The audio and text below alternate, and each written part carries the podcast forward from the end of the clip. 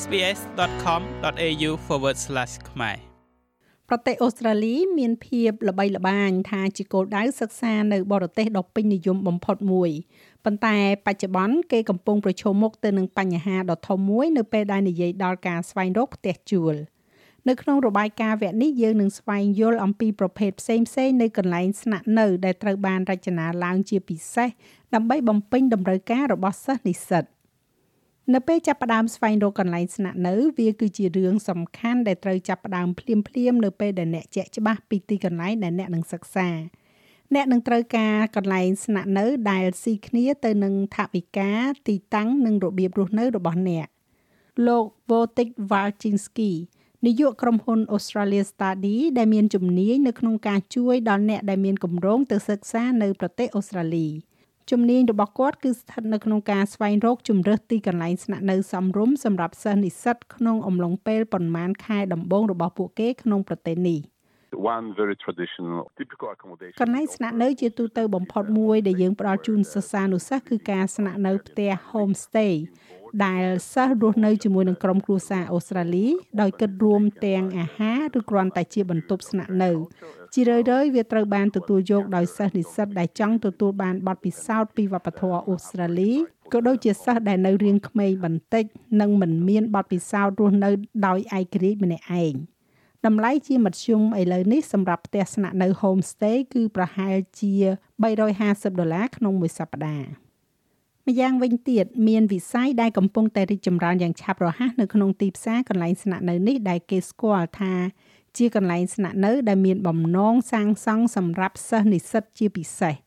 Apartment ដែលគ្រប់គ្រងដោយអ្នកមានវិជ្ជាជីវៈទាំងនេះត្រូវបានដំណើរការដោយអាជីវកម្មជាច្រើនដើម្បីផ្គត់ផ្គង់ដល់សិស្សនិស្សិតដោយគួបផ្សំទាំងវិក័យប័ត្រនិងការថែទាំរួមបញ្ចូលនៅក្នុងថ្លៃជួល។ ជាញឹកញាប់អ្នកនឹងឃើញផ្ទះល្វែងសម្រាប់សិស្សនិស្សិតឬភាសាអង់គ្លេសហៅថា student apartments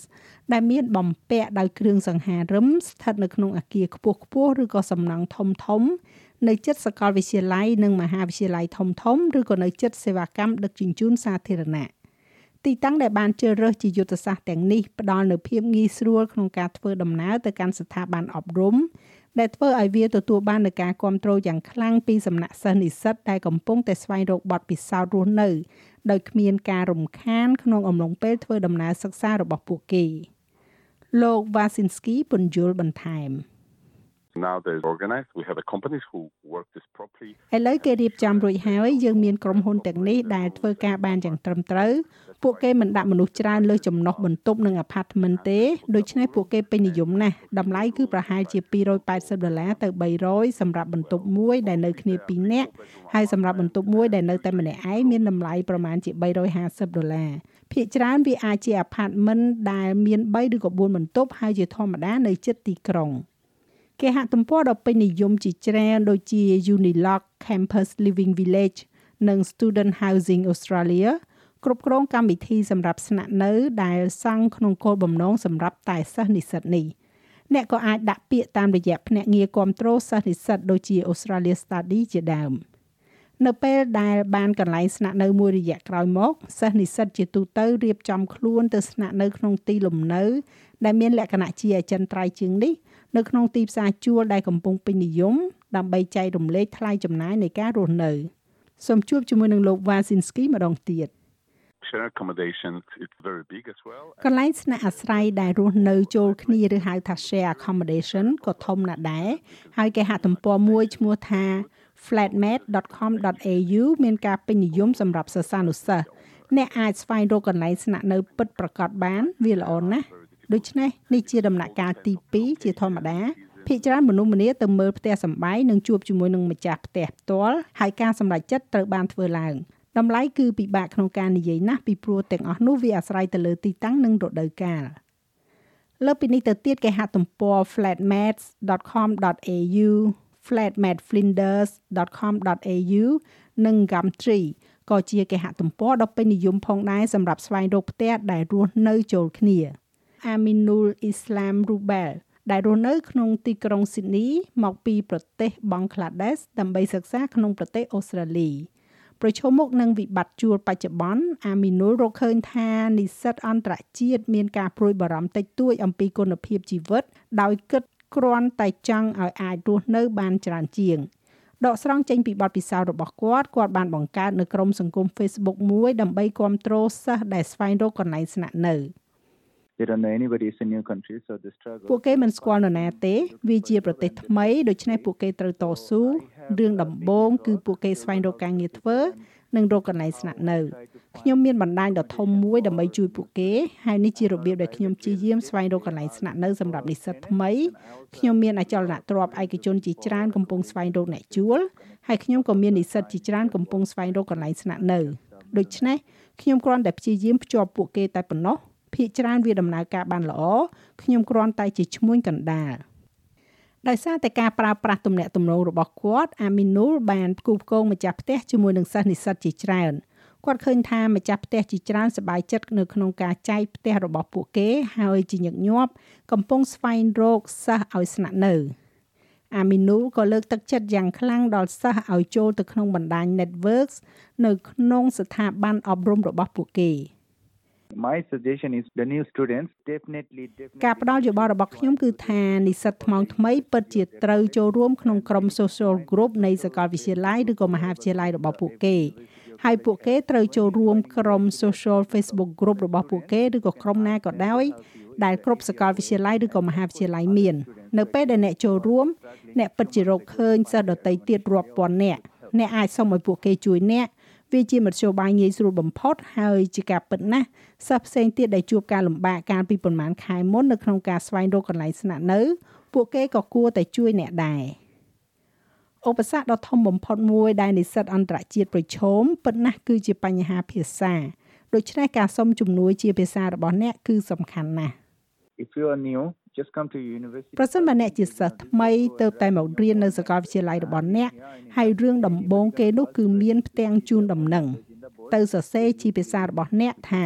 ខ្ញុំថ្មីនៅទីនេះខ្ញុំត្រូវការជំនួយអ្នកណាដែលដើរឆ្លងកាត់ហើយឃើញភាសារបស់ពួកគេនៅលើផ្ទាំងនោះជាធម្មតានឹងអានវាហើយរកមើលថាមានអ្វីកើតឡើងប្រជាជនក្នុងសហគមន៍ចូលចិត្តពិនិត្យមើលក្រុមសហគមន៍របស់ពួកគេព្រោះពួកគេអាចអានជាភាសារបស់ពួកគេបាន ដូច្នេះវាគឺជាកាតព្វកិច្ចរបស់យើងនៅក្នុងការទៅឲ្យដល់ក្រុមសហគមន៍តូចៗទាំងអស់នោះបន្ទាប់មកខ្ញុំពិតជាអាចជួយបានហើយខ្ញុំអាចសុំជំនួយពីអ្នកដទៃបាន។នៅក្នុងបរិវេណសាលាឬក៏នៅជិតនោះអ្នកក៏អាចស្វែងរកលំនៅឋាននិងអាផាតមិនដែលគ្រប់គ្រងដោយសាកលវិទ្យាល័យមួយចំនួនផងដែរការស្នាក់នៅក្នុងសាកលវិទ្យាល័យជារឿយៗផ្ដល់នូវជំរើសក្នុងការចូលរួមក្នុងសង្គមនិងការគ្រប់គ្រងយ៉ាងខ្លាំងសម្រាប់និស្សិត សាស្ត្រាចារ្យ Sally Wheeler គឺជាអនុប្រធានផ្នែកអន្តរជាតិនិងសាជីវកម្មនៅសាកលវិទ្យាល័យជាតិអូស្ត្រាលីទីក្រុង Canberra លោកស្រីផ្ដល់នូវអនុសាសន៍យ៉ាងមុតមមឲ្យពិចារណាទៅលើការស្នាក់នៅក្នុងសាកលវិទ្យាល័យជាពិសេសសម្រាប់អ្នកដែលមិនធ្លាប់សិក្សានៅប្រទេសអូស្ត្រាលីពីមុនមក I think anyone who hasn't studied ខ្ញុំគិតថាសម្រាប់នរណាម្នាក់ដែលមិនធ្លាប់បានសិក្សានៅប្រទេសអូស្ត្រាលីពីមុនមក គួរតែគិតឲ្យបានម៉ត់ចត់អំពីកន្លែងស្នាក់នៅក្នុងសាកលវិទ្យាល័យវាជាវិធីដ៏ល្អមួយនៅក្នុងការជួបមនុស្សថ្មីការបញ្ជូនខ្លួនអ្នកទៅក្នុងបរិយាកាសថ្មីប៉ុន្តែអ្នកនៅតែត្រូវបានគ្រប់គ្រងមានមនុស្សនៅទីនោះដើម្បីធ្វើឲ្យប្រកាសថា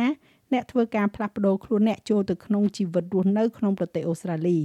ខ្ញុំគិតថាវាកើតឡើងតិចជាងប្រសិនបើអ្នកនៅក្នុងកន្លែងស្នាក់នៅវិស័យឯកជនលំនៅឋាននៅក្នុងមហាវិទ្យាល័យដែលរៀបចំយ៉ាងពេញលេញផ្ដល់ជូននៅបន្ទប់ឯកជនដែលមានសុវត្ថិភាពជាមួយនឹងអាហារកន្លែងកំសាន្តសម្រាប់មនុស្សទូទៅនិងជំនួយផ្នែកសិក្សាទាំងអស់គឺមាននៅក្នុងបរិវេណសាលាសាស្ត្រាចារ្យ Wheeler ពន្យល់ពីការរៀបចំនេះ Most universities have one or two residential សាកលវិទ្យាល័យភាគច្រើនមានលំនៅឋានក្នុងមហាវិទ្យាល័យមួយឬក៏ពីរដែលជាប់តាក់ទងទៅនឹងសាកលវិទ្យាល័យជាធម្មតាពួកគេមានការរៀបចំជាមួយនឹងសាកលវិទ្យាល័យអំពីការប្រើប្រាស់សម្ភារៈកីឡាហើយពួកគេផ្ដល់ជូននៅកញ្ចប់ពិសេសឧទាហរណ៍ពួកគេខ្លះផ្អែកទៅលើសាសនា ខ្លះទៀតត្រូវបានបង្កើតឡើងដោយស្ថាបនិកដែលមានចំណាប់អារម្មណ៍ជាពិសេសខណៈពេលដែលការស្នាក់នៅក្នុងសាកលវិទ្យាល័យជាទូទៅតែងតែផ្ដល់ឲ្យអ្នកនៅជំរើសនៃប្រភេទផ្សេងផ្សេងគ្នានៃកញ្ចប់ជុំវិញថាតើអ្នកចង់បានអាហារពេញលេញអាហារផ្នែកខ្លះឬក៏ទទួលទានអាហារដោយខ្លួនឯងតម្លៃសម្រាប់បន្ទប់មួយនៅក្នុងលំនៅឋានក្នុងមហាវិទ្យាល័យមានភាពខុសប្លែកគ្នាយ៉ាងខ្លាំងពីសាកលវិទ្យាល័យមួយមួយ ហើយអ្នកអាចបង់ប្រាក់ដល់ទៅ700ដុល្លារក្នុងមួយសប្តាហ៍ទោះជាយ៉ាងណាក៏ដោយវាចាំបាច់ណាស់ក្នុងការកត់សម្គាល់ថាការចំណាយនេះជាធម្មតា រួមបញ្ចូលទាំងអស់ដោយគ្របដណ្ដប់លើបរិខា និងសេវាកម្មផ្សេងផ្សេងប្រសិនបើអ្នកចូលចិត្តការរៀបចំការរស់នៅដ៏ឯករាជ្យជាងនេះប៉ុន្តែនៅតែចង់បានកន្លែងស្នាក់នៅនិងឱកាសសង្គមការស្នាក់នៅដែលគ្រប់គ្រងដោយសាកលវិទ្យាល័យទូទៅ អាចជាជំរើសដែលមានតម្លៃសមរម្យជាង សាកលវិទ្យាល័យគ្រប់គ្រងដំណើរការការដាក់ពាក្យសុំកន្លែងស្នាក់នៅទាំងពីរប្រភេទនេះសាស្ត្រាចារ្យ Wheeler ពន្យល់ម្ដងទៀត Each university is slightly different. សាកលវិទ្យាល័យនីមួយៗមានភាពខុសប្លែកគ្នាបន្តិចបន្តួច ខ្លះនឹងធានាការស្នាក់នៅរបស់អ្នកនៅពេលអ្នកទទួលយកការផ្ដល់ជូនខ្លះទៀតបើកចំហកន្លែងស្នាក់នៅរបស់ពួកគេជាទម្រង់ដាក់ពាក្យសុំដាច់ដោយឡែកមួយនៅពេលដែលអ្នកមកដល់ដើម្បីផ្ទេរទៅប្រទេសអូស្ត្រាលីឧទាហរណ៍ប្រសិនបើអ្នកស្ថិតនៅក្នុងការទទួលយកនៅក្នុងខែមករាបន្ទាប់មកមានមនុស្សជាច្រើននឹងចាប់ផ្ដើមដាក់ពាក្យសុំកន្លែងស្នាក់នៅរបស់ពួកគេក្នុងខែវិច្ឆិកាឬក៏ខែធ្នូឆ្នាំមុននេះ។ បន្ថែមពីលើជំរើសនៃការស្នាក់នៅក្នុងបរិវេណសាលាសាកលវិទ្យាល័យមួយចំនួនក៏រក្សាមូលដ្ឋានទិន្នន័យផ្ទាល់ខ្លួនរបស់ពួកគេ សម្រាប់លំនៅឋានក្រៅបរិវេណសាលាផងដែរមូលដ្ឋានទិន្នន័យទាំងនេះអាចចូលដំណើរការបានសម្រាប់និស្សិតបច្ចុប្បន្ននិងនិស្សិតនាពេលអនាគតទាំងអស់ដោយផ្ដល់នូវធនធានដ៏មានតម្លៃសម្រាប់ការស្វែងរកជំរើសលំនៅឋានជំនួសនៅខាងក្រៅបរិវេណសាកលវិទ្យាល័យ។ ចាស់ហើយរបាយការណ៍នេះចងក្រងឡើងដោយ Melissa Companoni និងប្រាយសម្រួលសម្រាប់ការផ្សាយរបស់ SBS ខ្មែរដោយនាងខ្ញុំហៃសុផារ៉ានីចុច like share comment និង follow SBS ខ្មែរនៅលើ Facebook